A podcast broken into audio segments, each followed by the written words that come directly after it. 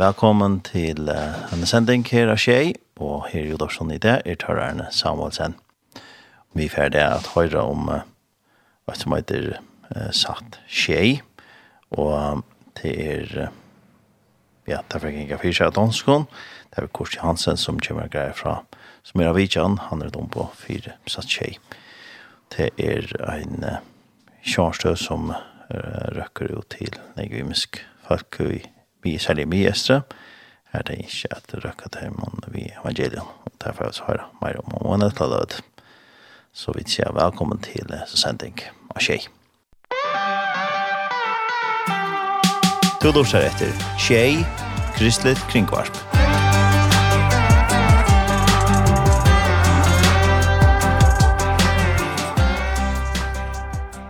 Så færer vi til Vi er i sändningen nå får vi da at ta oss tossa i eh, Justin Jokon och vi får tossa dansk til neste løtene. Kurt eh, Johansen. velkommen i vår studie her på Sjo. Mange takk, mange takk. Og eh, du arbeider med et som heter Sats Sjo. Korrekt. Ja. Eh, jeg har arbeidet 23 år for Sat 7, og Sat 7 er faktisk kun 23-24 år gammel. Aha. Kan du fortelle litt om uh, hva er Sat 7 eller Sat 7? Sat 7 er en, startet som en kristen satellit-tv-kanal i Mellemøsten og Nordafrika. Senere har vi udvidet til Iran og Afghanistan og også i Tyrkiet. Uh, og nu er vi også en hel masse på sociale medier. Uh -huh. Så vi har tv-studier i Egypten, i uh, Libanon, i uh, Tyrkiet uh, og på Kyberen. Så det er det mirakel, at uh, i et område af verden, hvor der er meget få kristne, hvor langt de fleste aldrig vil se en kirke, eller have en bibel i deres hænder, eller, eller møde en kristen, der kan nu uh, 450 millioner mennesker se det kristne evangelium på deres fjernsyn, direkte ind i deres egen stue. Satellit-TV er mediet uh, i uh, Mellemøsten. Man køber sig en parabol, det koster 100 kroner, og så kobler man det til sit fjernsyn, og så har man tilgang til en masse tv-kanaler, der ikke øh, kan censureres. Øh, vi taler om et område af verden, hvor der ikke er pressefrihed, altså hvor man ikke kan forkynde evangeliet øh, frit. Øh, der er ikke religionsfrihed, og der er som sagt heller ikke pressefrihed. Øh, så langt de fleste medier bliver censureret af regeringerne, men det kan man ikke med satellit-tv. Satellit-tv kommer fra en satellit 30.000 km væk ud i verdensrummet, og der er ingen måde man kan censurere det på. Så det er altså det eneste fri øh, medium, øh, og det er det mirakel, at øh, pludselig kan vi forkynde evangeliet til stort set alle hjem i Mellemøsten øh, og Nordafrika, i Iran, Afghanistan og Tyrkiet, øh, øh, helt frit, helt, øh, helt gratis, øh, så alle mennesker kan pludselig få en mulighed for at høre evangeliet på deres eget sprog, og produceret af mennesker, der ligner dem, og som bor i den her del af verden. Ja, det er fantastisk, at man har mulighed for det. At teknologien er, er sådan, er til en fordel på den måde. Ja, altså, øh, Gud er kreativ, og Gud har, har spredt de her satellit-tv-modtagere over hele området. Altså, hvis man rejser rundt i Mellemøsten, så ser man, at hustagene er simpelthen stoppet til med satellit modtager. Det er, det er mediet, Aha. fordi det er så billigt, det er så gratis, og man, man har tilgang til en enormt mange kanaler. Altså selv ikke den eneste kanal, der er 800, 900 kanaler, man, man kan se. Så pludselig kan man altså se ting, som man ikke, ikke vidste om før, fordi at, uh, alle andre medier er er censureret. Øhm, og pludselig kan man altså også få en sand præsentation af, hvad evangeliet er. Aha. Der findes desværre rigtig mange fordomme og propaganda imod de kristne, imod øh, Jesus selv, Ehm i den her del af verden. Så øh, bare det at, at få en sand præsentation om, øh, hvad er hvad er Bibelen, hvad er, øh, hvem er Jesus, og øh, hvad gør de kristne her? øh, det er øh, en, en revolution, øh, en overraskelse for, for rigtig mange mennesker. Og rigtig mange mennesker stiller ind. Altså, øh, øh, vi taler jo om et område i verden, hvor der er stor nød og stor smerte, øh, hvor øh, stor, en del af befolkningen lever under fattigdomsgrænsen og ikke aner, hvordan de skal få brød på bordet øh, til deres børn. Øh, vi taler om en del af verden, hvor der er store flygtninge, øh, strømme, øh, halvdelen af verdens flygtninge er i Mellemøsten og Nordafrika. Halvdelen af verdens terroraktioner finder sted her. Ehm og halvdelen af dem der dør i krig er i den her del af verden. Eh selvom Mellemøsten og Nordafrika kun udgør 5% af verdens befolkning, så er 50% af verdens ulykker eh her. Så det er en det er en verdensdel som som venter på et budskab der giver håb i en håbløs situation. Og øh, vi mener, vi, vi, har, vi kan give et håb, øh, og vi kan give et håb om et bedre samfund her på jorden, men også selvfølgelig et håb om et evigt liv der, derhjemme øh, hos Jesus. Øh, langt de fleste i den her del af verden øh, har ikke hørt om, om frelse af noget. De, er ikke, de tror, at de skal fortjene deres egen frelse, så rigtig mange, langt de fleste er bange for deres dommedag. Øh, vi kristne glæder os jo til dommedag. Vi glæder os til at se Jesus igen. Øh, så så den, det er en kæmpe forskel. Øh, så rigtig mange stiller ind for at modtage det her håb. Øh, for nogle stiller ind af bare nysgerrighed. Hvem er de kristne? Fordi de har aldrig mødt en kristen, de har aldrig set en kirke. Så de vil gerne øh, bare vide mere om det. Øh, og, og rigtig mange hænger på, så at sige, fordi budskabet om om om om frelse ved nåde en kærlig Gud, en nåde, barmhjertighed, øh, fællesskab, øh, tilgivelse. Mm -hmm. Det er ukendte begreber. I den her del af verden er det et øje for et øje og en tand for en tand. Øh, det er ære og skam. Øh, så vores budskab er en, ja, en revolution øh, i den her del af verden, og rigtig mange føler sig øh, kaldet til at, at, at, at, at følge Jesus. Uh -huh. Men eh, hvordan eh, hører som de her mennesker om, om denne kanal? Eh, hvordan, för fordi når du har en parabol, så kan du få alle verdens uh, kanaler. Langt de fleste finner os, uh, når de søger efter spændende programmer på deres, uh, på deres fjernsyn. Langt de fleste kigger ikke længere kanaler, de ser programmer. Altså de finder et program, som er spændende. Øh, og uden at parle, så tror jeg, at vores program er rimelig spændende. Det, det er meget attraktivt lavet. Vi har 200 dygtige medarbejdere i øh, Mellemøsten og Nordafrika, som brænder for at lave spændende programmer, øh, der handler om, hvem Jesus er for mig i dag. Mm -hmm. Øh, ikke bare den historiske Jesus, som jo selvfølgelig øh, øh, befødt og vokset op i den her del af verden. Han, han er ikke fremmed for, for dem, man Jesus var i, hans familie var i Ægypten også, og det er det eneste land, hvor Jesus, uden for, uden for Palæstina, hvor Jesus har været. Så, så det, det, er, det er kendt område for den. Ehm så, så mange stiller ind, øh, til, fordi de tilfældigvis falder over os. Men der er også andre, der, der hører om os på anden måde. Ehm der findes jo stadigvæk en 8-10 millioner kristne i Mellemøsten, ikke mindst i Egypten og i, i Libanon. Uh -huh. Øh, det her område af verden var jo et stærkt kristent område øh, tidligere. Altså det er ikke en 25 år siden, der boede over en million kristne i Irak. Det gør der ikke mere. Øh, kristendommen dør ud øh, i Irak, i Syrien, i Palæstina. Øh, antallet af kristne bliver færre og færre. Men der er stadigvæk øh, millioner af kristne i den her del af verden. Og de kan jo ikke tage deres muslimske nabo med i kirke. Det er ikke det har de ikke lov til. Eh men de kan jo sige vi kan stille ind på Sat 7, og så kan I se, hvad der foregår i en kirke, så kan I se, hvad vores øh, budskab er. Ja. Så også de kristne, for de kristne i Mellemøsten, den kristne minoritet, er Sat 7 en, en, en, en fantastisk ting, øh, fordi det gør, at de kan fortælle deres omgivelser, at, at øh, I kan få mere at vide om kristen tro igennem øh, Sat 7. Okay der er også der er mange andre effekter effekter af Sat 7. Altså de, der er rigtig mange fordomme og negativ propaganda imod de kristne. Og øh, de kristne har ikke haft nogen mulighed for at tage til genmæl eller for at berigtige øh, øh, de misforståelser. Men øh, gennem Tar 7 kan vi altså fortælle, hvordan de kristne i virkeligheden er, ja. hvad, det, hvad der virkelig sker i en kirke. Eh og øh, vi kan dermed give de kristne legitimitet og identitet øh, i et samfund hvor de øh, i bedste fald bliver diskrimineret, i værste fald bliver forfulgt, og nogle gange ovenkøbet slår ihjel for deres tro. Så, så på den måde har sig selv mange funktioner. Nej, øh, men øh, øh,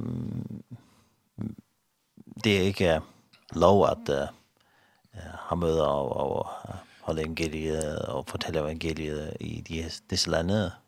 Altså ja. i nogle lande som Egypten og Libanon, der har, har de kristne været i 2000 Aha. år, i hvert fald 1700 år. Ehm og der er det okay at være kristen, er det okay at gå i kirke, men du har ikke lov til at skifte religion. Altså det, det er ikke sådan, at der, hvis du ikke er kristen, så vil du gerne gå i kirke, eller du vil gerne være kristen. Den uh, mulighed findes uh, ikke. Uh, så det er ikke lande, der har religionsfrihed. Uh, man kan sige, en kristen har lov til at blive muslim. Det, den, lov, den, den mulighed findes, øh, men omvendt øh, kan det i praksis ikke lade sig gøre. Nej. Så, øh, så, øh, og i lande som Iran eller Saudi-Arabien eller Marokko, der findes ingen kirker. Øh, så, så der er ikke mulighed for at gå i kirke. Øh, og øh, eller finde et, altså kristne fællesskaber kan kun finde sted sådan i i husmenigheder. Ehm så så der findes en del arabiske lande hvor ja, hvor der ikke findes nogen officielle øh, kristne.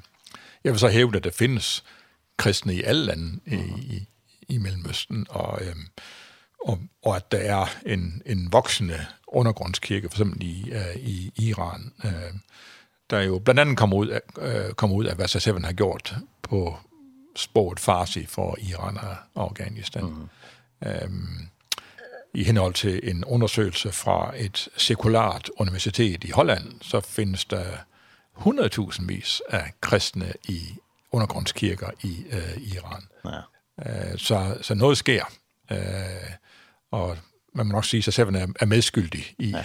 hvad der sker. Men som du sagde også, at uh, det er uh, umuligt at uh, spore disse kanaler och, og, og stoppe dem, at uh, kunne se dem. Men uh, det er ikke sådan, at uh, for eksempel politiet går, går inn i hjemmene og tjekker. Det, det er umuligt at tjekke, hvilke programmer de ser, fordi de, de kan se alle verdens programmer på det, disse tv-kanaler, TV, kanaler som de kan få. Korrekt. Altså, ja. vi har ikke hørt om nogen, der har fået problemer, fordi de stillede ind på Sat 7. Altså, man kan sige, at politiet har mange andre opgaver, ja. og der er store, store problemer i denne del af verden. Så det, det med, om folk ser kristen tv, er ikke det største problem, der findes ja. i, uh, i de her lande. Så det er ikke noget, de prioriterer. I, i starten af satellit-tv's uh, historie, altså der gjorde man det forbudt at eje en parabol. Regeringen ville ikke have, at uh, befolkningen fik fri og usensureret information. Mm. Så for en 20 år siden, der var det forbudt at eje en parabol, men i realiteten havde folk det alligevel. Mm. Øh, man lavede nogle gange nogle, nogle øh, razziaer i Iran. Man lå helikopter og flyve rundt over hustagene for at se, hvem der havde, øh, havde, havde satellitter, satellit, satellitmodtagere, og så øh, skar man dem ned, men øh, om et par dage efter var de oppe igen. Så altså, når folk ønsker det sådan noget så meget, så, så får de fat i det. Og, og nu har regeringen sagt, vi kan simpelthen ikke stoppe det. Så lad os gøre det lovligt, men Det gengæld vil vi så som regeringer have en masse satellitkanaler, så vi kan fortælle befolkningen, hvad de skal, hvad de skal tro og gøre. Øh, så, så der findes en masse regeringskanaler, der fortæller om, hvor fantastisk vores land er, øh, og hvor dygtige vi er, og så videre. Så sådan propagandakanaler for de enkelte lande. Nej, så det, det er fantastisk, at det, det er muligt. Men øh, når os sat seven uh, sender disse programmer, så er, er det, har de så studie i disse lande, eller er nogle helt andre, andre lande? Nej, vi er så privilegeret, at øh, regeringen har tilladt os at have studier midt i området, øh, så at vi har studier i Kairo, vi har studier i Beirut, vi har sågar i Istanbul i, i Tyrkiet. Så det, det er miraklet, at mm. vi har fået lov til at have studier øh, lige der, hvor vores seer er. Det er jo meget vigtigt, at vi er tæt på vores seer, vi ved, hvad det er hvad vores seere bekymrer sig om, øh, hvad det er, der er relevante for dem. Så derfor øh, duer det ikke, at vi sender fra Amerika eller mm -hmm. Færøerne eller Danmark. Vi skal være på stedet, øh, og det vi får lov til. Øh, og det er så fordi vi har fået troværdighed. Vi kritiserer ikke andre religioner. Nej, nej. Vi går ikke ind i i øh, politik øh, på den måde øh, og øh, Og så, så efterhånden har de, har de lokale regeringer lært at acceptere os og sige, vi faktisk arbejder for at forbedre samfundet og for at skabe mere, mere udvikling i samfundet. Vi, vi får stor støtte også fra forskellige regeringer i, i, i Norden, også den færøske regering, til at til programmer, der skal handle om dialog mellem forskellige grupperinger for kvinders rettigheder, handicappedes rettigheder, børns rettigheder. Nu skal vi også til at tale noget om om klima. Øh, ja. alt sådan noget, som er jo fælles. Det er jo ligegyldigt, om man er muslim eller man er kristen. Det er samme problemer. Vi har samme problemer med arbejdsløshed, mangel på uddannelse, mangel på rettigheder. Hvorfor så ikke gå sammen om det her og, og lære hinanden bedre at kende og, øh, og, og, og også forstå øh, hinanden bedre. Ja. Men også det, at øh, når jeg er tæt på, så øh, skal det også være... Øh, nærmere deres kultur. Det kan ikke være sådan dem, som den færøske eller danske kultur, eller, eller den amerikanske. Det skal være så tæt på dem skal... som muligt. Helt rigtigt. Altså det har været vores, øh, vores øh, politik helt fra starten af. Altså langt, langt, langt flest, de fleste af vores programmer skal være produceret lokalt af lokale kristne så kan vi fra andre lande, vi kan stå bagved, vi kan hjælpe, Vi kan være i bagkontoret, øh, men i forkontoret eller i studiet skal der være de lokale mennesker. Det er dem, som kender kulturen, kender sproget. Det er dem, som ved, hvad folk øh, hvad, tænker på, hvad det, er, hvad det bliver talt om på markedspladsen. Øh, det, det er dem. Øh, så derfor er det også dem, der skal have... Øh, der skal styre på programmerne. Så, så, øh, så det har vi sagt som noget helt klart fra starten af. Øh, vi har også sagt, at dem, som bestemmer i Sat7 altså bestyrelsen, ikke er dem, som giver pengene fra Vesten, det er faktisk kirkeledere fra Mellemøsten. Øh, igen, fordi de kender, historie, kender situationen bedst, men også hvis vi laver noget dumt, så er det også dem, der kommer til at lide under det. Øh, så, så, øh, så vi har givet øh, magten og æren til, til de lokale. Øh, stadigvæk kommer langt de fleste af pengene fra øh, partnere rundt omkring i verden, også på færøerne. Øh, men øh, vi har altså overladt til de lokale eh og bestemme, hvad der skal på, eh på, på, på fjernsynet. Mm -hmm. Vi kan ofte inspirere dem eh og give dem idéer, men i sidste ende er det dem, der, be, der bestemmer. Ja. Eh men hvilken sprog eh snakker man så på, på disse kanaler? det, det er så heldigt, at der er 22 lande, der taler arabisk. Uh -huh. uh, så på et sprog kan man nå ud på 22, de 22 lande, helt fra, øh, helt fra Irak i, i øst til Marokko i, i vest. Der er selvfølgelig de forskellige dialekter af arabisk, men, men, men man kan på et sprog øh, nå ud til ja, omkring øh, 350 millioner mennesker. Så er der Iran og Afghanistan, øh, hvor man ikke taler arabisk. Det er ikke arabisk kultur, men det er persisk, Eh så der sender vi på persisk, også kaldet farsi, Eh og så er der så Tyrkiet, hvor man så selvfølgelig taler tyrkisk. Eh så på tre sprog kan man nå ud til hele den her, den her verdensdel. Uh -huh. Der er jo nogle af nabolandene til, eh for eksempel Tajikistan, eh som, hvor man også taler eh persisk, at der er nogle af nabolandene til Tyrkiet, hvor, hvor man taler tyrkisk. Så, uh -huh. så vi når egentlig ret langt ud. Ja. Men uh, har I så en kanal, som kommer til Tyrkiet, og en kommer til landet. Ja, landet, præcis. Vi har, vi har fire, fire kanaler. Hmm. Øh, en til Tyrkiet, en til Iran og Afghanistan, og så har vi faktisk to kanaler på arabisk. Den ene kanal er for hele familien, den anden kanal hedder sig Seven Kids, den er for børn. Mm. Øh, der er en enorm befolkningstilvækst i Mellemøsten, øh, Til eksempel så vokser Egyptens befolkning hvert år med 1 million mennesker. Mm -hmm. øh, så halvdelen er under 30 år. Øh, så børn og unge er en stor del af befolkningen her. Øh, og dem har vi øh, så lavet en speciel kanal til, det hedder så Seven Kids øh, som sender døgn rundt øh, for børn, som man kan kalde det en slags søndagsskole. Ja. Øh, og øh, med, med, igen med attraktive programmer, når vi har bibelundervisning, så er det ikke bare, at vi sidder og læser op af Bibelen, så, har vi, så har, viser vi bibelske film, vi har bibelske quizprogrammer og, og den slags. Det her det er jo tv, det er ikke, det er ikke radio. Og skal, når man har tv, så skal der være gode billeder i det, så skal det være attraktivt at, at, at se på. Og det tror jeg, vi har. Vi, vi har langt over 10 millioner seere, og en stor del af dem her er på, på børnekanalen. Mm.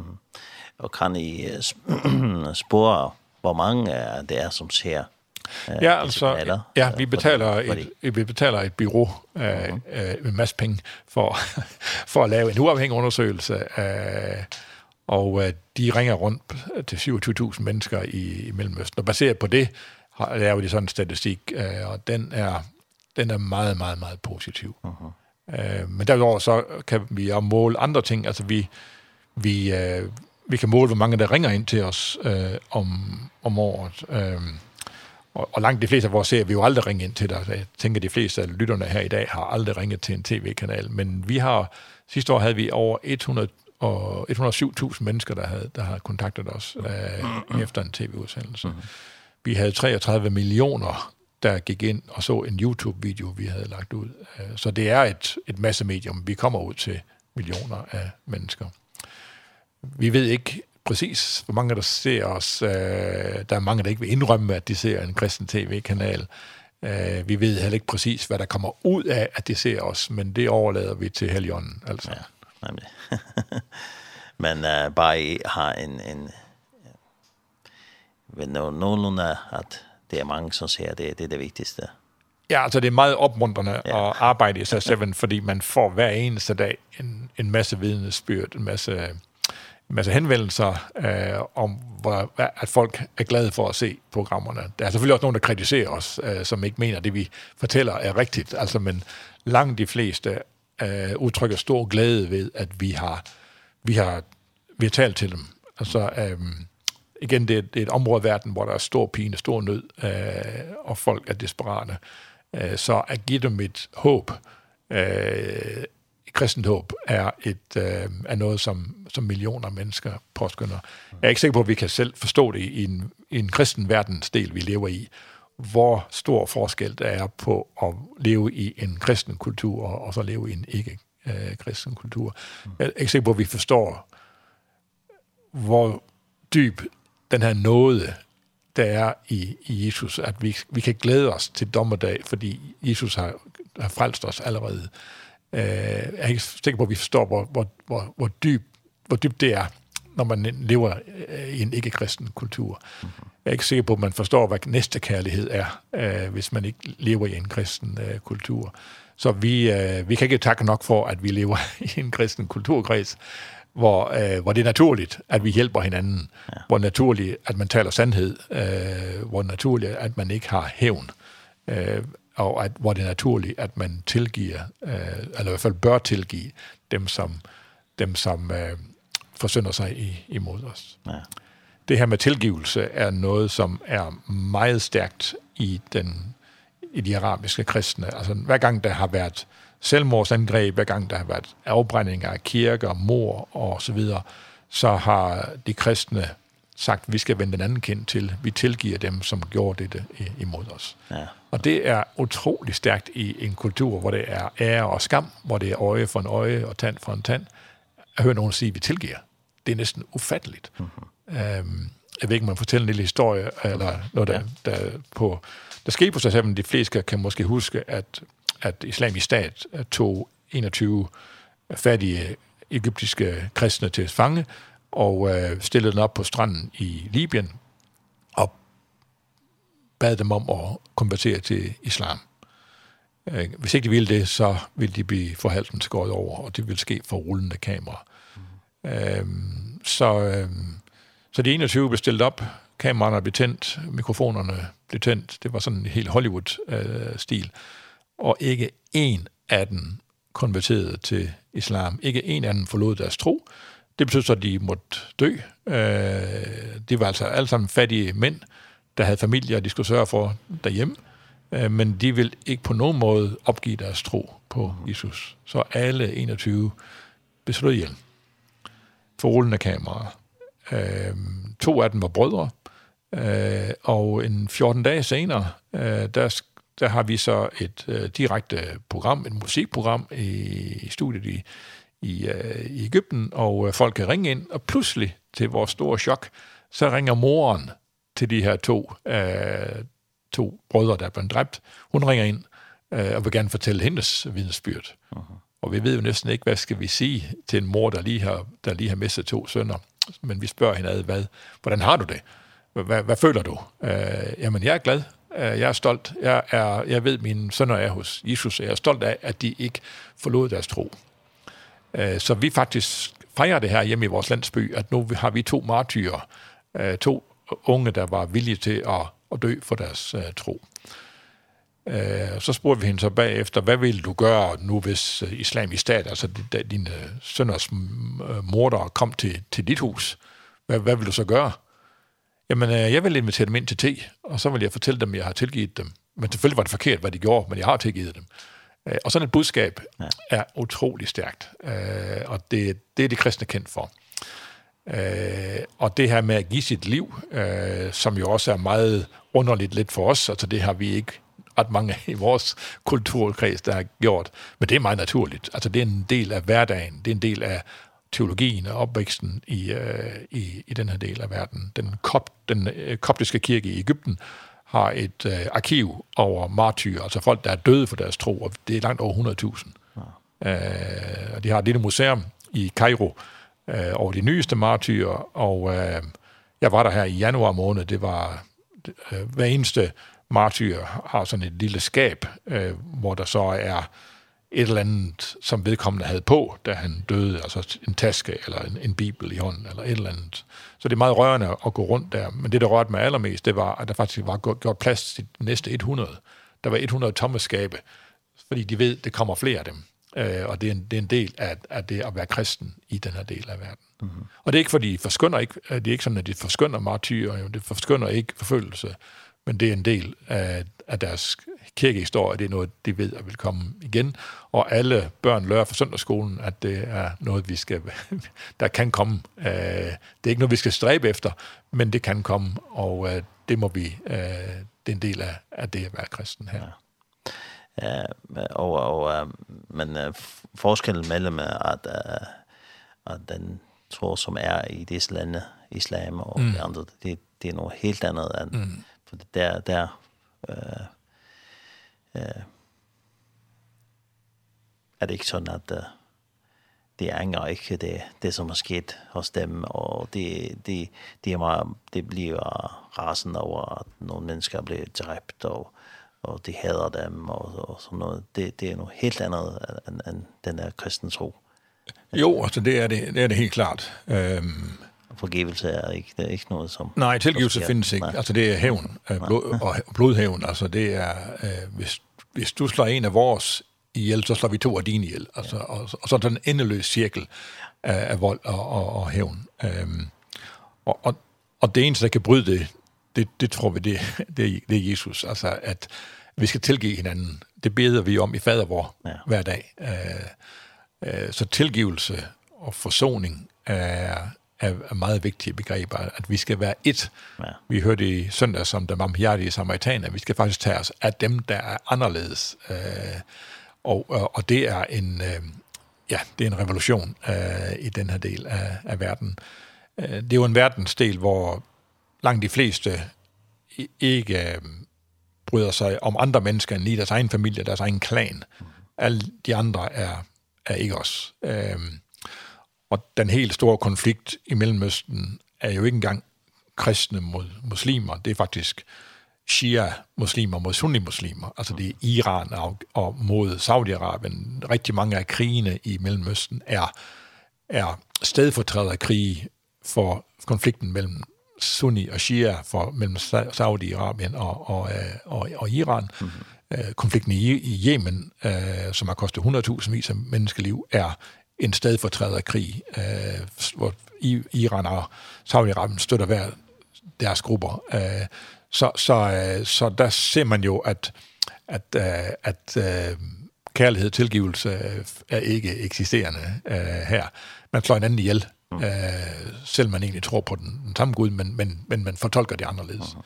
Øh, Irak og Iran har været i krig, øh, og en million døde på hver side. Øh, Eh og der er eh ja, altså konflikter over, overalt, øh, inklusiv i, i Syrien, øh, Palæstina og i Libanon. Altså det er, det er et, et område i verden, der er hårdt presset, hårdt trængt politisk, religiøst, øh, økonomisk. Ja.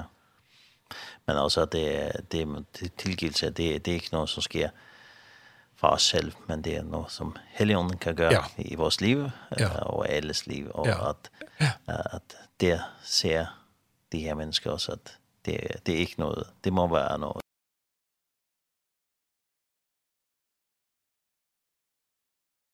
kirke, der kom en selvmordsbomber. selvmordsbomber var på vej over til søndagsskolen og slog en masse børn ihjel. Øh, den her mand, han opdagede det lige i sidste øjeblik, øh, og fik skubbet selvmordsmanden øh, væk, men han mistede sit eget liv øh, i den forbindelse. Mm. Og så er der sådan en enke med tre, fire små børn, der kommer i tv-studiet og spørger, hvad, hvad kræver du nu i kompensation, mm. i hævn? Og hun siger, jeg kræver ingenting, jeg tilgiver dem, der har gjort det. Hvortil øh, ham, der interviewer hende, siger, det forstår han ikke. De her kristne må være lavet af stål, det kan ikke passe. Øh, så, så igen og igen, øh, tilgivelsen er, er et fantastisk øh, vidnesbyrd. Altså, som, og det kan kun være, som du siger, Helligånden, der, der giver det, fordi øh, jeg mener, jeg har to, selv to børn. Kunne jeg tilgive øh, nogen, hvis de slog dem ihjel? Altså, det, det er et stort spørgsmål, og det er måske noget, som vi her i vores kulturkreds kan lære af de arabiske kristne, dels at, at stå fast i, i, i, i troen, øh, og dels øh, at være villige til os at, at, at, at lide for, for vores tro. Det har vi jo slet ikke nogen erfaringer med øh, her. Men, øh, men jeg tror, at vi, vi kan lære meget af det, men jeg tror, vi, skulle, vi, vi burde måske samarbejde mere med de arabiske kristne. Jeg tror, der er noget, masser vi kan lære øh, fra dem. Ja, fordi den, det naturlige er, er ikke det at, at, at tilgive. Nej. Nej det er slet ikke. Og når de gør det, så er det jo, fordi det er en del af en teologi, der er 1700 år gammel. Altså de har, de koptiske kristne har været forfulgt i, og diskrimineret i 1300 år i hvert fald. Og det samme gælder de, de fleste andre kristne i, i Mellemøsten. Ja. Så det er ikke noget nyt. Det er noget, der, der, der kommer, og det, det siger hele tiden, jamen det har vi prøvet før. Vi skal nok komme videre. Vi skal nok overleve. Så den er vidnesbyrd for os kæmpe. For eksempel den er øh, mor til disse to brødre, at, at det må være en stærk vidnesbyrd for de andre, som hører denne, men uh, det vidnesbyrd i, i disse lande. Det må Enorm vidnesbyrd, altså det har, de, det har man aldrig hørt før, ja. og det er imod alt menneskelig fornuft og natur. Uh, det må være guddommeligt. Altså, at man kan tilgive på den her måde, må være guddommeligt. Det må være en Gud, der er i stand til at og øh, påvirke sine, sine, sine, sine følgere på en helt, helt speciel måde. Ehm Og man kan sige, med den kultur med, at man ikke bryder sig om de andre, at uh, der er hævn og, og modhævn og blodhævn, uh, det gør det er en stor hindring for udvikling af de her samfund at kvinder ikke har rettigheder. For eksempel at kvinder som er alt af befolkningen bliver holdt udenfor uh, giver jo en masse sociale negative uh, udviklinger Uh, så så det Uh, på bare tale om kvinders rettigheder, som for at fortælle om, hvordan Jesus omgikkes kvinder, og, og at det, hvordan, han, hvordan, han, øh, hvordan kvinderne havde en rolle i det nye testamente, øh, er også en, en, en revolution. Ja. Øh, så der er mange aspekter. Øh, vi har mange programmer, for eksempel om, om, om handicappets rettigheder, altså børn med Down-syndromer, som, øh, som i, nogen, i mange kulturer bliver set som, en, altså når man får et handicappet barn, så er det fordi, man har gjort noget forkert i sit liv. Altså det er en, Gud, en måde, Gud straffer på. Man tror på en straffende Gud. Så derfor holder man også de handicappede børn væk fra ja. offentligheden. Så de handicappede børn kommer ikke i skole, de, de bliver gemt i baggården, eh så vi har et forfærdeligt liv. Men det, at vi tænker, at man skal elske hinanden, at de, har, de er skabt af Gud, de har, de har ret til et liv i, i værdighed og i fællesskab med, med andre, øh, er også en, en revolution. Så vi har for eksempel, for nu at tale om, om det, har vi haft øh, et, en stribe programmer, der hedder City of Stars, altså Stjernernes by, eh øh, hvor at dem, som er med i programmet, øh, halvdelen af dem er faktisk børn, med, øh, der er født med Down-syndrom. Altså, øh, og vi viser, at de faktisk kan, de, de bør integreres, de, de bør være sammen med såkaldt almindelige børn. Øh, og de bør, vi, vi viser, at de faktisk har mange talenter. De kan spille violin, de kan, ja. de kan, de kan gøre mange ting. Det er også en revolution for mange at, at, at se det. Så, så vi tør at bevæge os øh, til noget, som andre vil sige at, er tabu. Øh, men for os kristne er det meget naturligt. Altså, det er en del af vores, af vores øh, kald, det er en del af vores det vidnesbyrd, og den, den, den, det, som Jesus har lært os. Ja, fantastisk. Jeg tror vi skal uh, lytte til en sang før vi uh, snakker litt mer. Og uh, du ønskede en sang som heter In Christ Alone. Det er en sang som du kan lide. Det kan jeg lide, ja. ja, det er en god sang. Uh, så vi skal høre den, så kommer vi igen.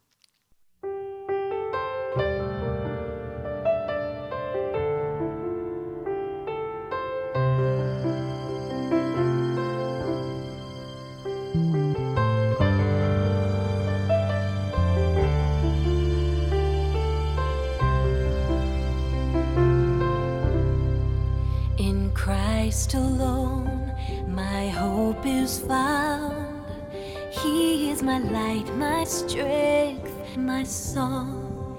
This cornerstone, this solid ground Firm through the fiercest drought.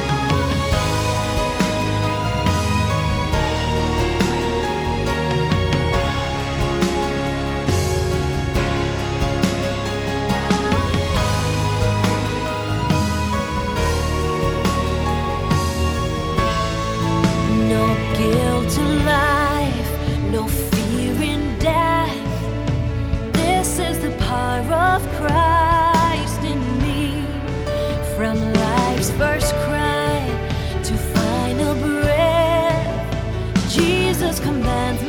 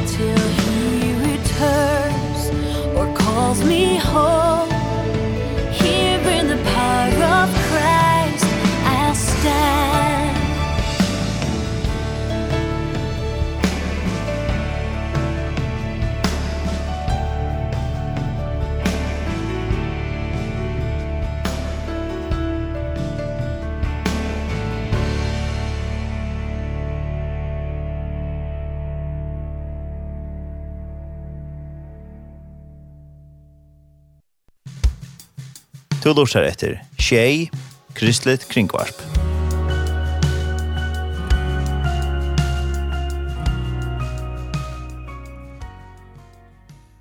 Her hørte vi uh, Sanji som heter In Christ Alone, og vi hørte uh, Kate og Kristin Getty, synes her. Og vi tar hørste syndrom, uh, som heter Sat 7, eller Sat 6, Det er en kjørskanal, og vi tar vidjan av Kurt Johansen, som eh, arbeider daglig av vi tog. Eh, kort, eh, ja, nå er det også her på feriene, og eh, du har måske været her flere gange, eller hvad? Ja, altså Færøerne var et af de første steder, jeg tog hen øh, for at præsentere Sat 7. Det er allerede over 20 år siden. Jeg har været her øh, 5-10 gange siden, og holder meget af at komme her. Øh, og jeg skal sige, at der er ikke noget land i verden, der giver mere til sig selv per indbygger end, øh, end Færøerne. Så øh, Færøerne står meget højt i Sat 7's øh, hitliste. Øh, så det er en stor glæde at, at, at være her. Øh, og øh, jeg synes, jeg har mange gode venner her, men jeg er også meget imponeret over den, øh, den trofasthet som øh, færøske kristne har vist over for øh, Sat 7 øh, igennem mange, mange år. Mm. -hmm. Heima Mission har jo været partner med Sat7 i en, i en, i en del år, og rigtig mange søndagsskoler, øh, øh, som er ind til Sat7, Øh, så så vi har vi har, vi føler os meget velsignet øh, af, af, af have kontakt med med med Færøerne. Men derudover er det for så selv for øh, for sine midler vi skal bruge over 100 millioner kroner om, om året. Og øh, vi får de midler ikke blandt andet fra Mellemøsten selv. Altså, vi har folk i Mellemøsten, som er så glade for sig selv, og selvom deres købekraft, selvom deres penge er meget få, så vil de gerne give øh, til Sat 7. Vi, vi har rigtig mange kinesiske kristne, der, der støtter Sat 7, altså cirka 5-10% af Sat 7 budget kommer fra kinesiske kristne. Mm. Men derudover så har vi stor støtte fra de, de nordiske lande. Stort set alle nordiske missionsselskaber står bag Sat 7 øh, bibelselskaber, men også øh, regeringer. Altså en del af vores mere sociale programmer, øh, blandt andet om kvinders rettigheder og, og, øh, og børns rettigheder, øh, dem, dem synes regeringer i, i på Færøerne og på, i Norge og Danmark, at de er så gode, at dem vil de gerne øh, støtte øh, økonomisk også. Så får vi stor støtte fra Tyskland, Østrig, Schweiz, og vi har også et kontor i USA og et andet kontor i, i England, som som samler penge ind til, til Sat 7. Så ved hjælp en stribe økonomiske mirakler, så, så lykkes det at, at samle de 100 millioner kroner ind, som det koster at sende af tv til millioner af, af mennesker. Det er fantastisk, det må man sige. Ehm når du är så på färjorna är det sånn at du, du besøger för flere städer eller har du fotar eller vad den är det? Ja, alltså jag har prædiket i et par kirker, och ehm Ikke mindst Heimermissionen har tilrettelagt lagt et, et, et fint og godt program øh, for os. Jeg har også mødt med repræsentanter fra regeringen her på Færøerne. Ehm, så, øh, så det har været et meget varieret og, og, og alsidigt program, der er lagt for os. Ehm Færøernes biskop skal vi også møde. Så vi taler med alle, der, der vil tale med os, og vi vil gerne så at sige, ikke bare øh, bede om økonomisk støtte, men også om forbøn og om, øh, om, om opmærksomhed omkring det, vi gør i Mellemøsten og Nordafrika. Eh der er ingen tvivl om, at de kristne i Mellemøsten og Nordafrika føler sig lidt glemt af os i, i Vesten. Altså, der er ingen steder i verden, hvor der er færre kristne øh, end i Mellemøsten og i Nordafrika. Der er ingen steder i verden, hvor kristendommen går mere tilbage, desværre, end i Mellemøsten og Nordafrika.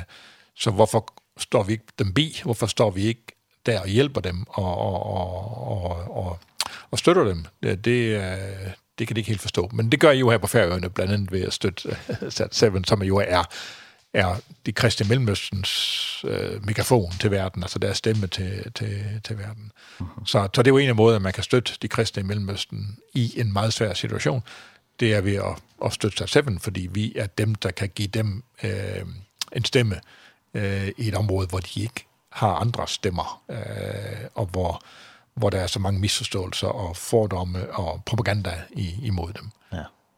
Øhm, så vi er meget taknemmelige for færøerne øh, og oplever øh, en, en, øh, en mange, mange, mange velsignelser. Ja. Øhm, hvis jeg må fortælle om en lille historie, ja. så, øh, så, øh, så mødte jeg søndag aften en, en, en dreng på 10 år, der har fødselsdag for nylig, mm -hmm. og øh, fik øh, nogle penge, og han bestemte sig for, at alle pengene skulle gå til, til Sat 7.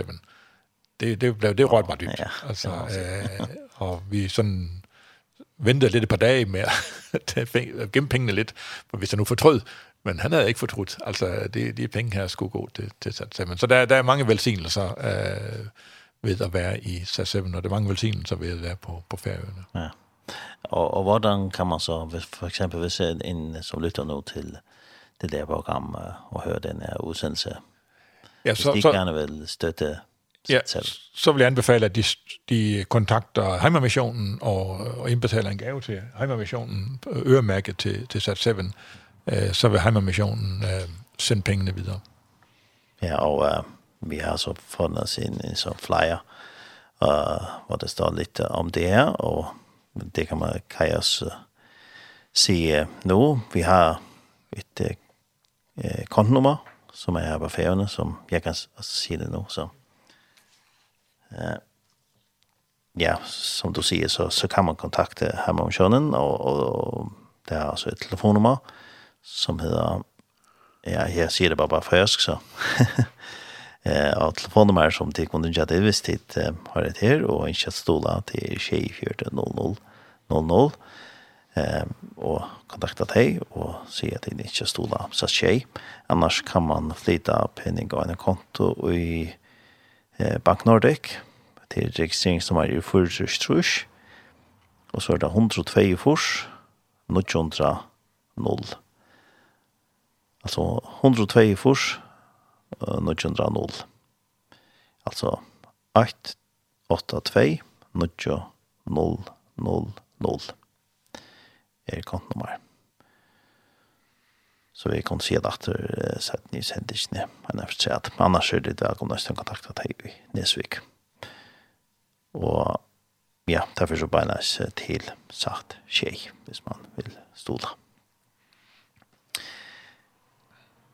Ja, og eh, ja, som du sier, så, så er det mange på feriene som støtter og, og, og vil gerne være med i det her, og jeres øh, partner også rundt, rundt omkring. Øh, og øh, har disse partnere, øh, vil de gerne være med at, at øh, støtte på andre måder, og så er det, er der mennesker også fra, fra disse lande, som måske hjælper til, eller et eller andet.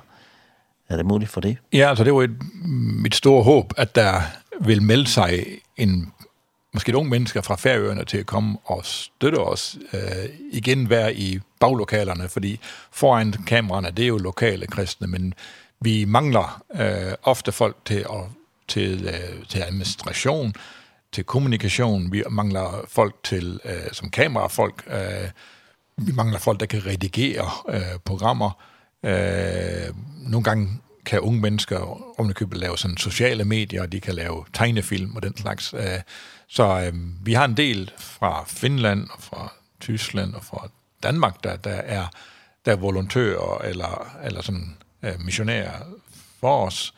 Øh, og det kunne være rigtig dejligt, hvis der var en, et, et menneske på færøerne, der ville komme øh, ned og, og hjælpe os. Øh, øh, Paulus skriver i, i sit brev til makedonierne, kom over og hjælp os, fordi vi er ikke mange her. Mm. -hmm. Og det samme kan jeg jo sige her, det makedonske kan, kan, kan komme over og hjælp os fordi at uh, det kniber med at finde, ikke mindst på vores iranske kanal, det, det kniber med at finde iranere, uh, der, kan, der, kan, der kan arbejde for os.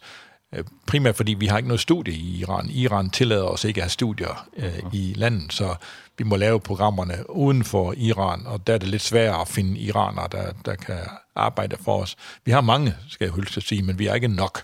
Så øh, særligt i vores iranske studie er der brug for folk fra vores øh, område til at, til at hjælpe til øh, og til at sørge for, at det hele nu kommer til at, at fungere.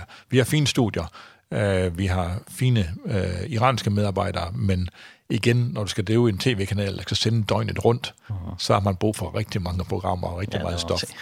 øh, og derfor, øh, derfor har vi heldigvis øh, nogen, Vi har blandt andet har vi øh, to danske kamerafolk, som kom ud for at arbejde for os i seks måneder. Det var deres, det var deres plan. De er stadigvæk hos os, siden der simpelthen er gået seks år nu. Okay. Øh, de vil ikke hjem igen, fordi det er så spændende, det er så, det er så motiverende, det er så, øh, så givende at, at, at række evangeliet til, øh, til, til, øh, til kristne og ikke-kristne i Irak og i Afghanistan. Uh -huh. Hvis jeg må tale lidt om Afghanistan, så... Ja ved alle jo nok, at Taliban tog over for to år siden nu, og øh, har gjort det yderst vanskeligt. Øh, pigeskole, altså piger må ikke længere gå i skole, kvinder må ikke længere arbejde, øh, og folk bliver arresteret og forsvinder, hvis de bare på deres mobiltelefon har et eller andet med som kristent indhold, øh, eller indhold imod Taliban. Øh, så, øh, så det er meget vanskeligt at, at, være, at, at være kristen i Afghanistan. Øh, og øh, det mærker vi også på den måde, at det land, der vi nok har flest henvendelser fra, er, er Afghanistan. Mm. Så kristne er, må det gå under jorden, kristne må flytte et andet sted hen. Øh, der er simpelthen mennesker, der bare, hensyn, bare for at tjene lidt penge, vil angive dem til politiet øh, for at få en dosør øh, for det. Øh, så, så de må flytte andre steder hen og mødes i dybeste hemmelighed. Øh, så så øh, Så, så, så Afghanistan er et, et specielt vanskeligt sted. Øh, men, men det gengæld er der stor, stor øh, åbenhed over for evangeliet blandt afghanere. Øh, og, øh, og vi gør alt, hvad vi kan for at, at lave flere programmer øh, til Afghanistan. Mm. Afghanistan og Iran er jo brødre og søstre øh, og taler så at sige det samme sprog, altså så man kan på samme sprog øh, nå både Iran og Afghanistan. Mm.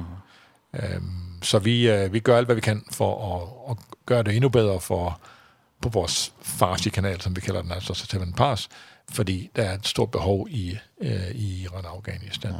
Hvis, hvis det er rigtigt, hvad den her hollandske sekulære undersøgelse viser, at der er i 100.000 vis af kristne, og det, det tror jeg er rigtigt, jamen så er der i høj grad brug for oplæring af de her nye kristne. Altså de, de har jo ikke nogen præster, de har ikke nogen bibler, Nej. de har ikke nogen andagsbøger, de har ikke nogen noget teologisk uddannelse. Øh, så så at den her vækkelse skal gå det rigtige sted hen, det kræver en god og solid øh, undervisning øh, af de dygtigste eh undervisere, teologer og så videre. Og det kan vi det kan vi hjælpe med. Altså det vi har jo 24 timer i døgnet. Vi kan vi kan vi kan tage tid til at at tage nye kristne ved hånden og øh, og lede dem igennem Bibelen, lede dem igennem en en en en kristen en kristen trosoplæring, men også vise dem hvordan hvordan gør man i en kirke? De har jo aldrig set en kirke, de har aldrig været i en kirke, altså de har, ikke, har aldrig haft en samlebog, altså, så hvad, hvordan, hvordan øh, opfører vi os? Hvordan har vi en, en gudstjeneste i et privat hjem? Altså det, det, det, det, det må vi også fortælle dem, fordi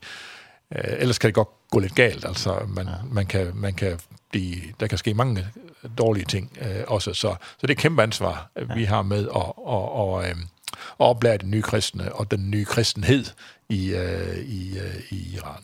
Ja.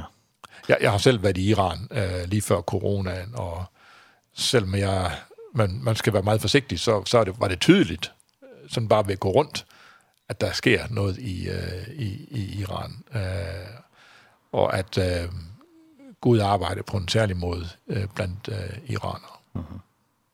Ja, påvirket corona meget, det arbejde som i Ja, på en, meget, på en ret positiv måde. Øh, og nu skal jeg ikke forskynde coronaen, slet ikke. Men, øh, men det gjorde jo, at folk øh, i mange lande, at der var udgangsforbud. Øh, man måtte ikke øh, tage væk. Øh, så hvad skulle folk lave? De, øh, de, ja.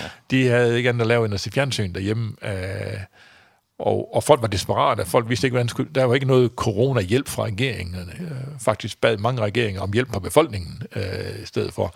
Så, så øh, man, havde, man kunne ikke tjene penge, man kunne ikke øh, få, få noget arbejde, man kunne ikke komme på arbejde, øh, og hvor skulle man få sin mad fra, og så videre. Det hele var jo lukket. Så folk var desperate, og, og, og, og, og vi kørte jo så mange programmer om, hvordan man kan overleve i sådan en coronatilstand. Altså vi, der var rigtig mange, der var rigtig meget uvidenhed om corona, øh, så vi havde jo de bedste læger på Sat7 til at fortælle om, hvad er corona, hvordan øh, kan det undgå for corona, øh, og altså sådan mere øh, sådan folkeoplysning havde vi en, en, en, en del af.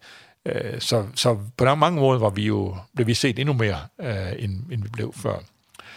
Øh, jeg skal også sige, at øh, allerede en længe før, altså, og egentlig som, som, øh, som et øh, element af den syriske konflikt, altså som startede for 12 år siden, hvor mange, mange millioner syre blev fordrevet, øh, og stort set alle børn fra Syrien ikke længere kunne gå i skole der startede vi sådan en, øh, en skole på tv, skole-tv, øh, og vi har nu lavet 400 programmer, øh, der gennemgår, hvordan man skal læse og skrive, matematik, øh, geografi, øh, men måske først og fremmest det vi kalder livsoplysning, altså hvordan man er den gode samaritaner, hvordan man hjælper de gamle, og hvordan man øh, er, er en, en, en god medborger.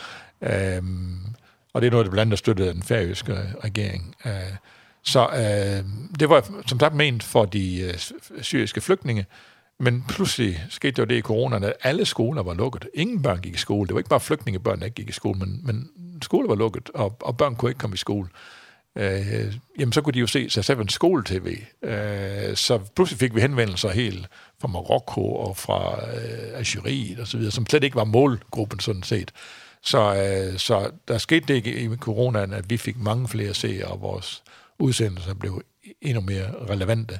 Øh, og alle de seere, som lærte os at kende i coronaen, har jo så fortsat med at være øh, hos os. Øh, fordi vi var, vi var trofaste mod dem, øh, og de lærte, at vi, vi, vi, vi, øh, vi holdt så meget af dem, at vi ville give dem al den oplysning, de havde brug for, og som de ikke kunne få andre steder. Øh, så der lærte jeg så kende som en troværdig og, og kærlig og øh, station, der er til for, for seernes skyld, øh, og ikke for at drive propaganda, men for at fortælle dem, at vi holder af den, og her er, øh, her er noget, som du kan bruge øh, i dit liv, øh, og noget, som du kan tro på. Ja. ja, ja, og så på den måde, så får I kontakt til mange mennesker på den måde, at... Øh det er opløsende programmer også. Ja, altså vi, vi kalder os selv holistisk. Altså vi, vi uh, tror, at Gud har skabt os med ånd, sjæl og læme. Uh, og vi, uh, vi tror, at, at uh, vi skal vi skal, at, at Gud har skabt os, og vi tror, at vi skal tage os af skabningen og skabe værket. Øh, så man kan sige, at vi har ligesom tre ben, vi står på. Vi, vi vil gerne eh give alle og enhver mulighed for at høre evangeliet. Vi mener, det er en menneskeret, i hvert fald en gang i ens liv, at høre og få en sand præsentation af evangeliet. Eh vi vil også gerne støtte de lokale kristne i deres vidnesbyrd. Vi, tror, vi, vi tror på en voksende kirke i Mellemøsten, Eh så vi vil uh, ikke selv være en kirke, vi er ikke en church on air, vi er ikke en kirke i, på, i, i, på tv, men vi vil gerne støtte de lokale kristne. Det er de, de lokale kristne, vi henviser til. Det er jo der fællesskabet er. Det er jo der, det, det, det længerevarende uh, er. Men så vil vi også gerne bringe social forandring i Mellemøsten, fordi det har Kristus lært os. Uh, igen, vi hørte i går, eller foregår som den barmhjertige samaritaner i mange kirker. Øh, vi vil gerne fortælle, hvordan Jesus omgikkes dem, der var udenfor tollerne øh, og skøerne. Vi vil gerne fortælle, hvordan Jesus behandlede børnene, eller de små børn komme til mig.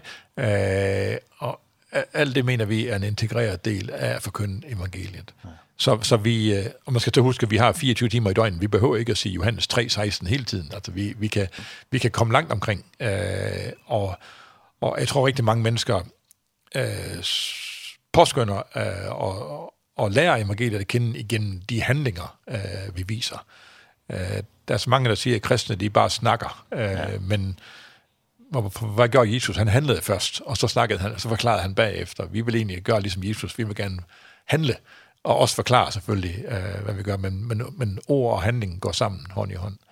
Øh, og det kan man vise på tv, det kan man vise.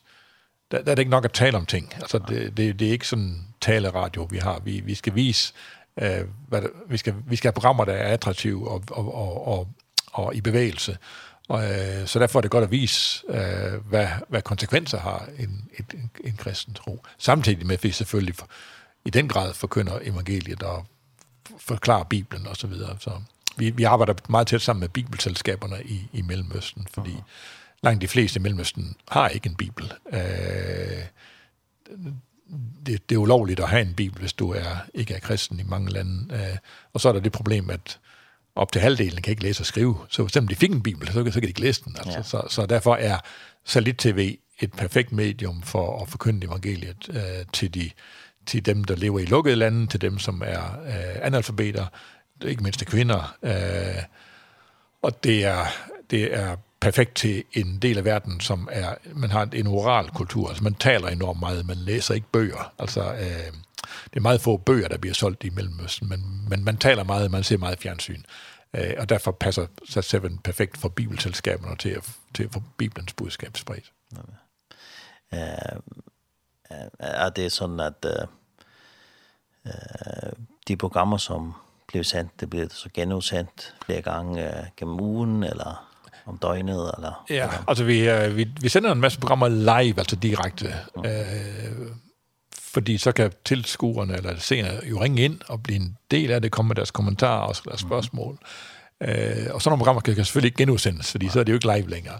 Men andre programmer bliver genudsendt. Altså heldigvis er der ingen, der ser os 24 timer i døgnet. Så, øh, så det, der har været om, om aftenen eller om natten, kan man godt genudsende næste dag. Altså, man skal lige huske, at vi sender over 4-5 tidszoner, så hvad der er et godt tidspunkt ja. i, øh, i Irak for os i fjernsyn er et dårligt tidspunkt i Marokko. Altså, så så, så det, det er fint at, at, at, at rotere vores programmer, så mange af dem bliver, bliver genudsendt. Øhm, og der er også programmer som, altså som børneprogrammer, altså bibelhistorie osv., bliver jo ikke forældet, øh, så, så de bliver også tit øh, genudsendt. Mm. Øhm, Så på den måde kan vi også overleve med et relativt lille budget øh, i, en, i en, en meget foranderlig medievirkelighed. Ja.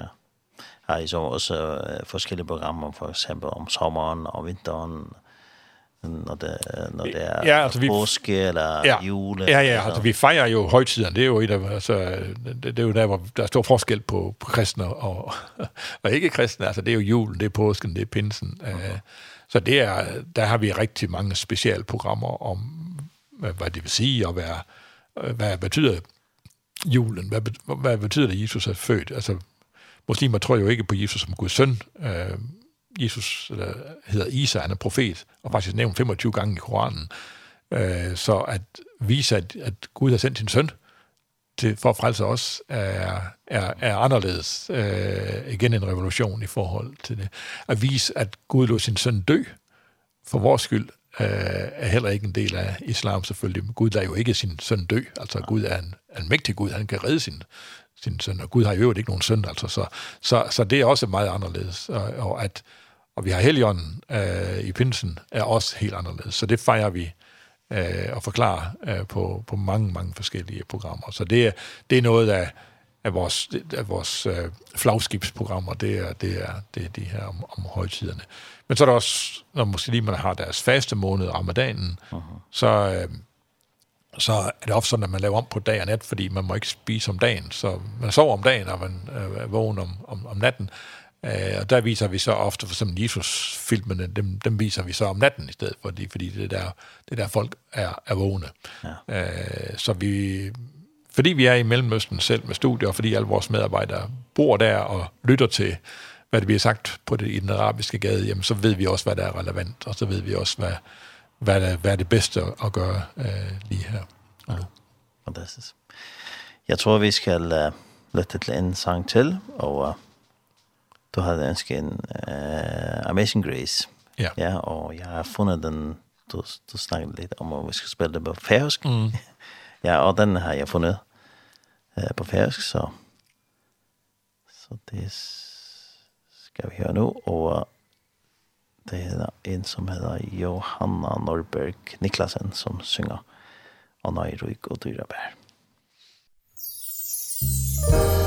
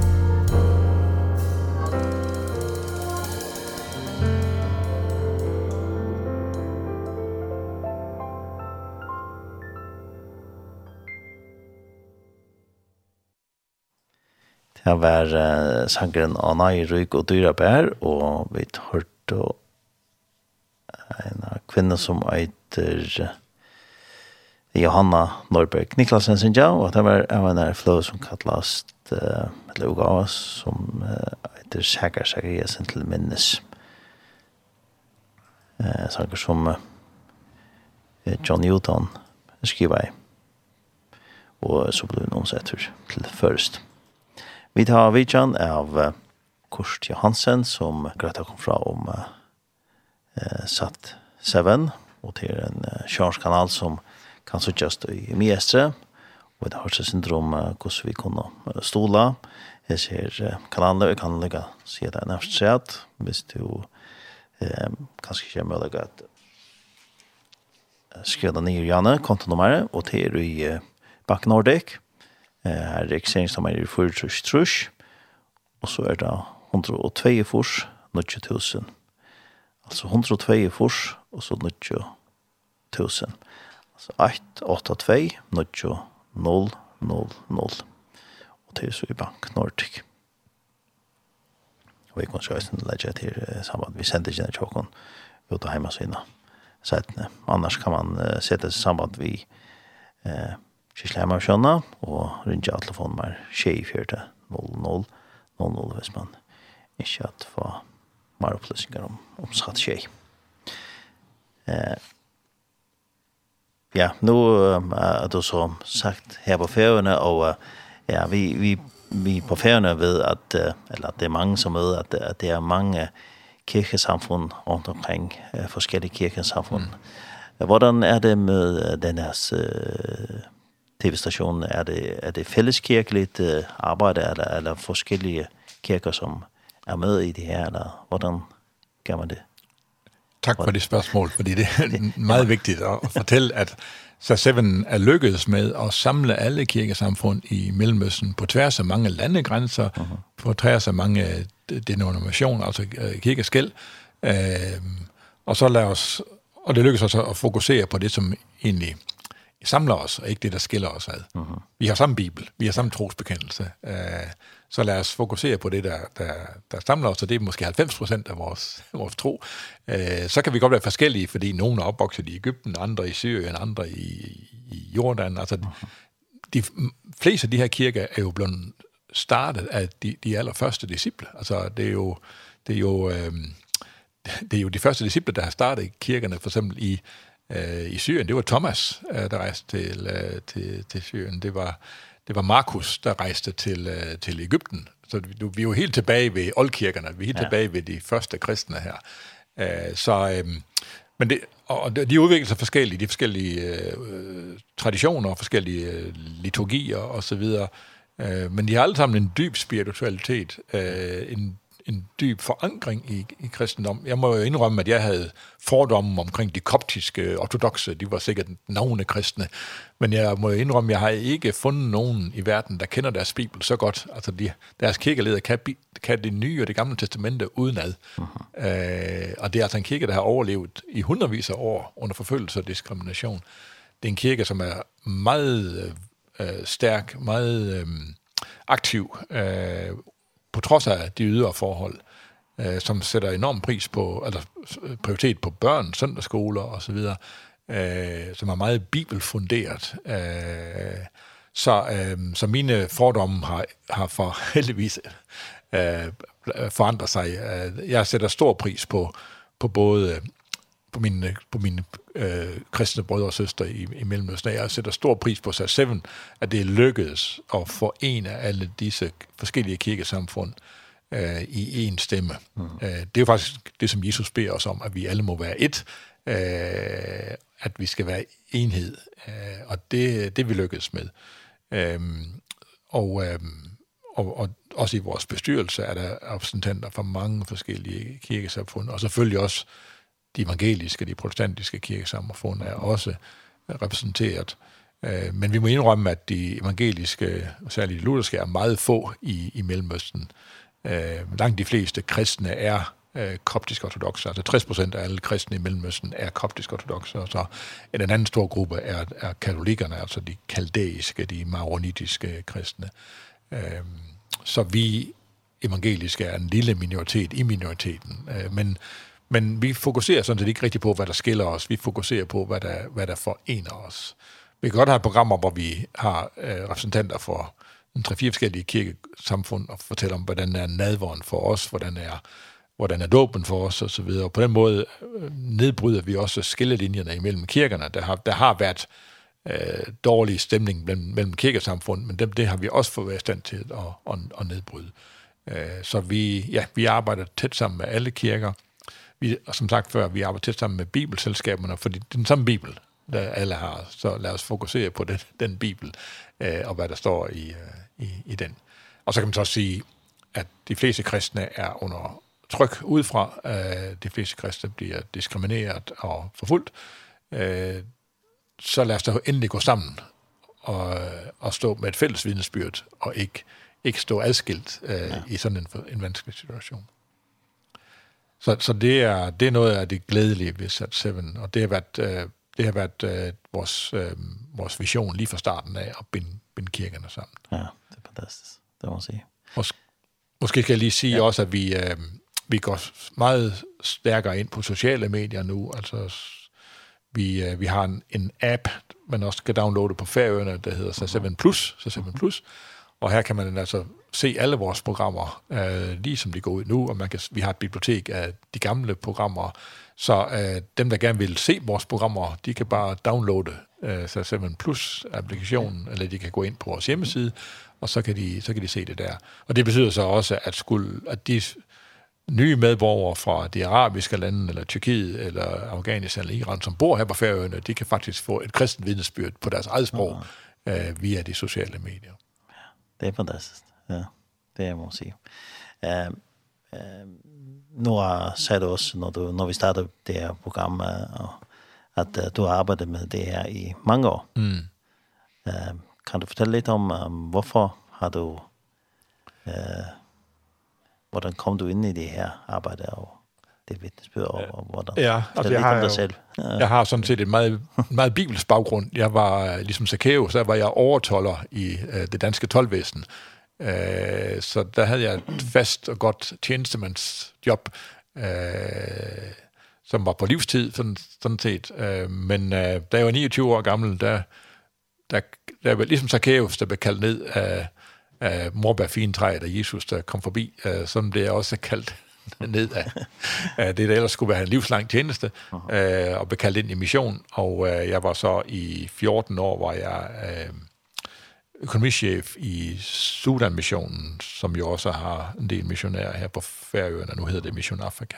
Mm Eh øh, og en af mine opgaver var at starte genbrugsforretninger, så jeg var med til at starte først 65 genbrugsforretninger i Danmark, og siden 85 genbrugsforretninger i, i Norge.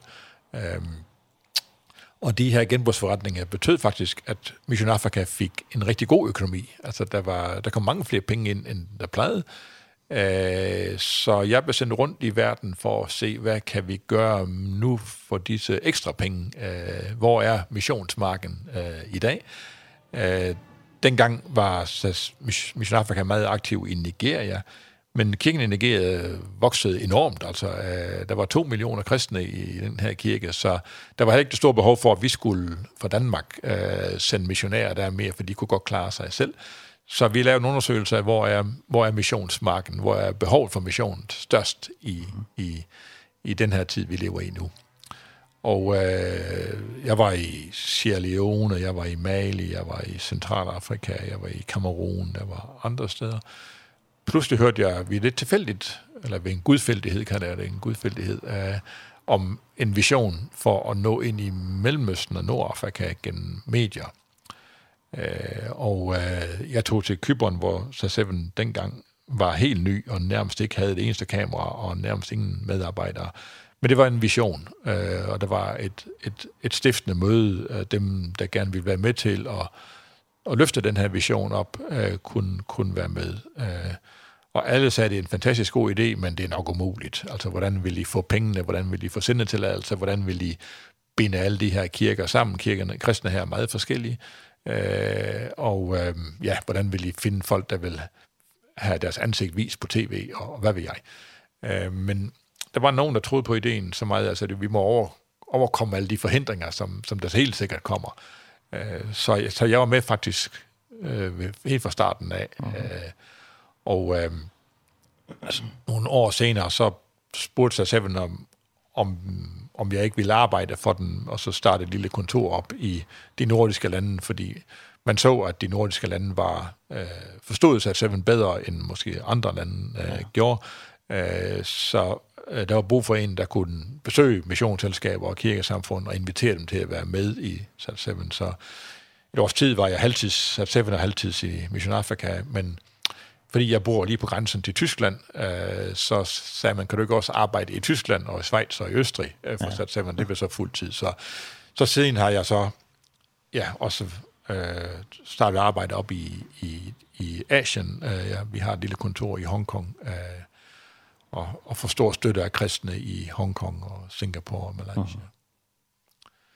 Så det er sådan min historie. Jeg har, ikke, jeg har stadigvæk ikke nogen medarbejdere. Jeg har ikke, nogen, jeg har ikke engang en bankkonto øh, eller et kreditkort. Jeg arbejder helt alene øh, fra, fra, min lille, fra mit hjem i Christiansfeld i, i, i Danmark, og, og har så 100-150 dage om året på rejse rundt omkring i, i verden for at invitere flere til at være med i, i uh, San Seven. Uh -huh.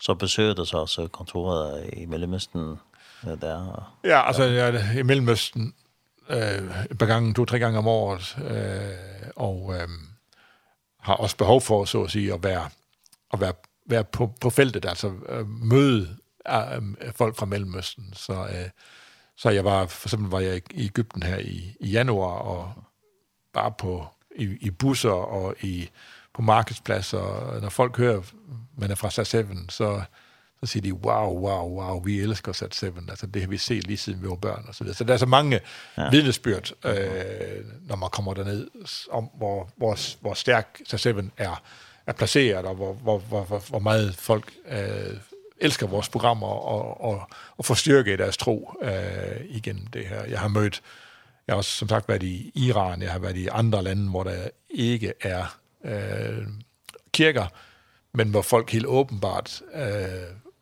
får alt deres åndelige føde øh, igennem øh, ja. satellit-tv.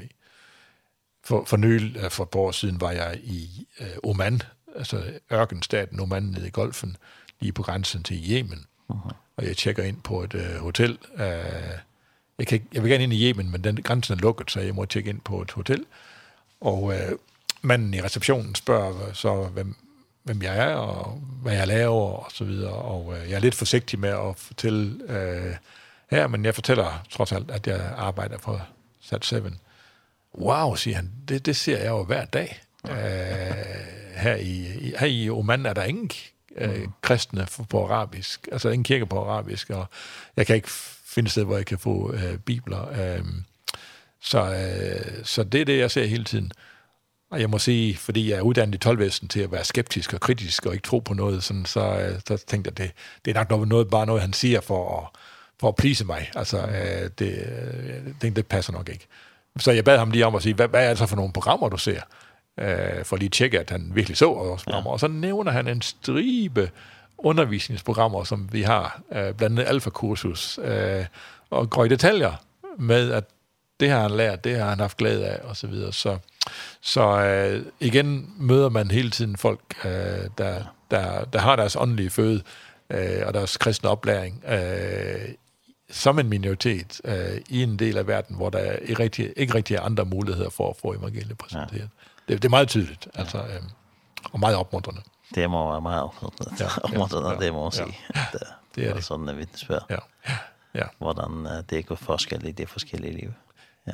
Ja, det er, det er en, øh, og det er det, vi siger i sig selv, vi er, vi er ikke en tv-station, vi er et et, øh, et arbejde, der vil forandre folks liv. Altså, vi, vi er her for at forandre folks liv og gøre deres liv bedre.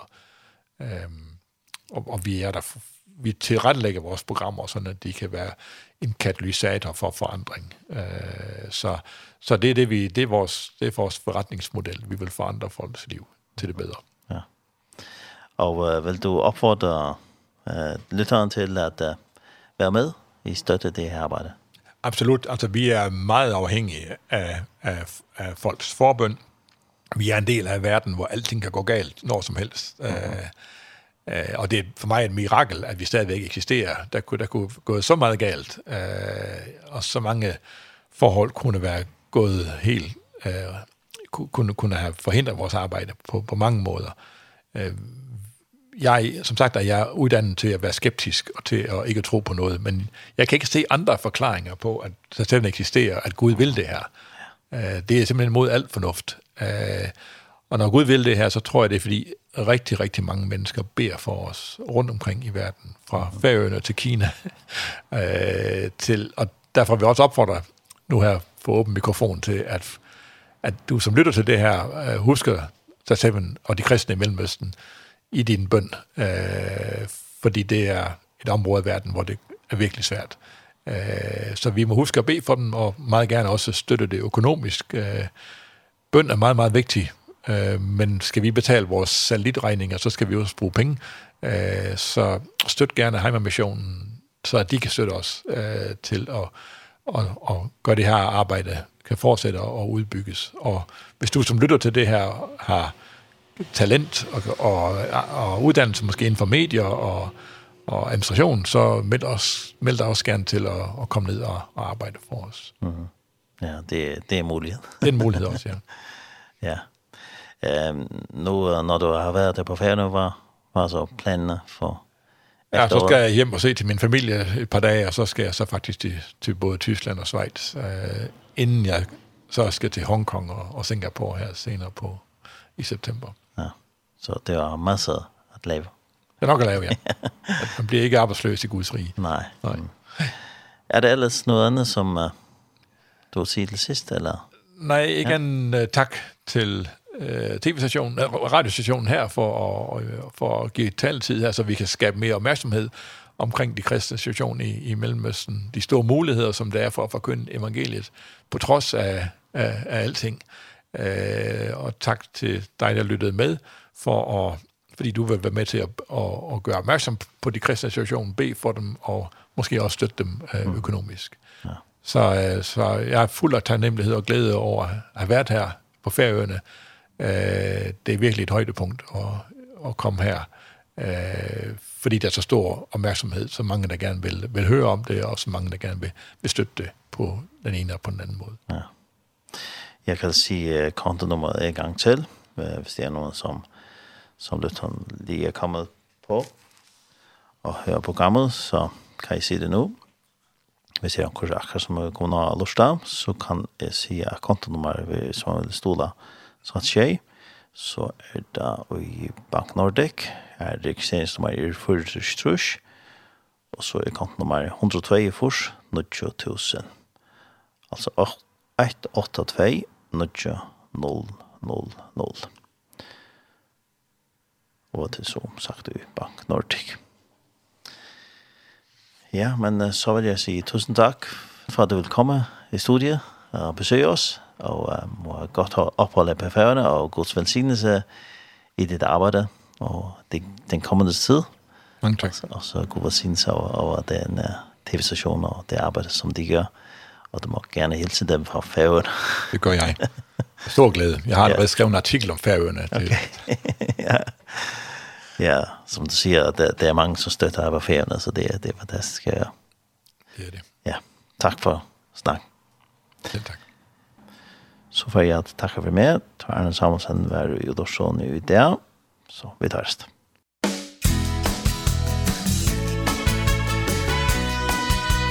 Du lortar etter Tjei, Kristelig Kringvarp.